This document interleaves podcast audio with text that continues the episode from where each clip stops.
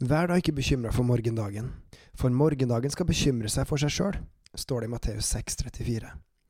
Er du slik som meg, som bekymrer deg for samfunnsutviklinga i Norge?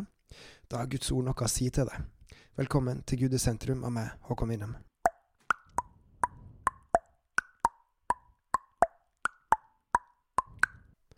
Det er mange steder i Bibelen som tar opp det temaet her, deriblant Filipperne 4. Men i dag skal vi holde oss til Matteusevangeliet.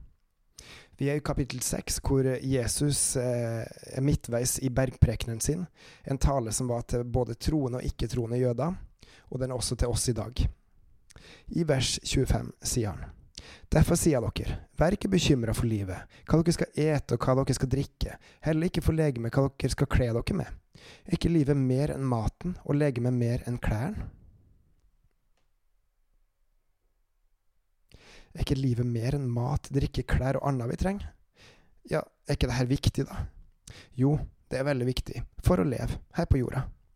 Men det finnes noe viktigere, og det er det evige livet. Når vårt liv er ferdig her nede, da er det enten et evig liv for tapelsen, og dit vil du ikke, som venter på oss, eller et evig liv sammen med Gud, med eller uten belønning. Det er kun trua på Jesus som frelser oss, og som er veien inn. Inntil hva?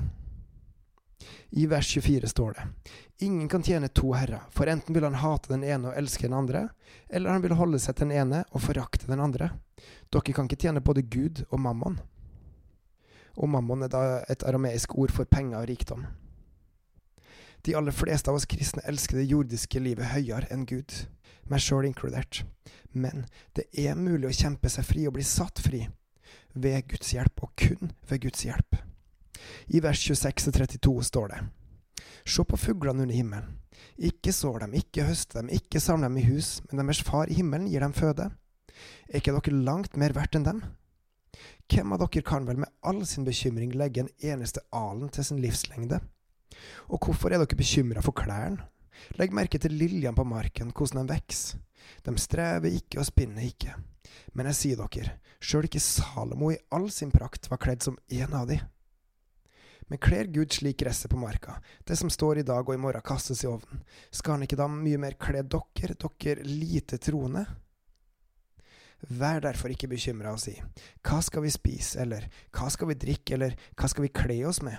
For alt sånt søker hedningene etter, men deres himmelske Far veit at dere trenger alt det her. Da Jesus sa alt dette, så nevnte han ikke romerne med ett ord, sjøl om det var de som regjerte over jødene. Hvorfor ikke? Fordi det her er det mest grunnleggende man trenger for å overleve, for å leve. Ja, men, ja, men, ja, men hva med, hva med samfunnsutviklinga? Når Gud tar seg av sine, når Han tar seg av og gir til sine, hvorfor skal vi da bekymre oss? Legg alt på Herren. Søk Han, bygg ditt ord på Hans ord, så er du Hans. Som det står i vers 33.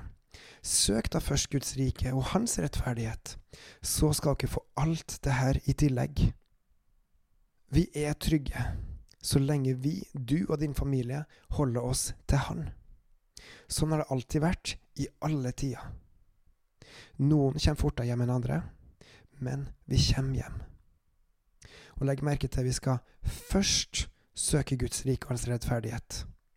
Og hvis vi gjør det, så skal vi få alt det andre i tillegg. Legg ditt liv i hans hender, og du er trygg. Bebels og på gjenhør.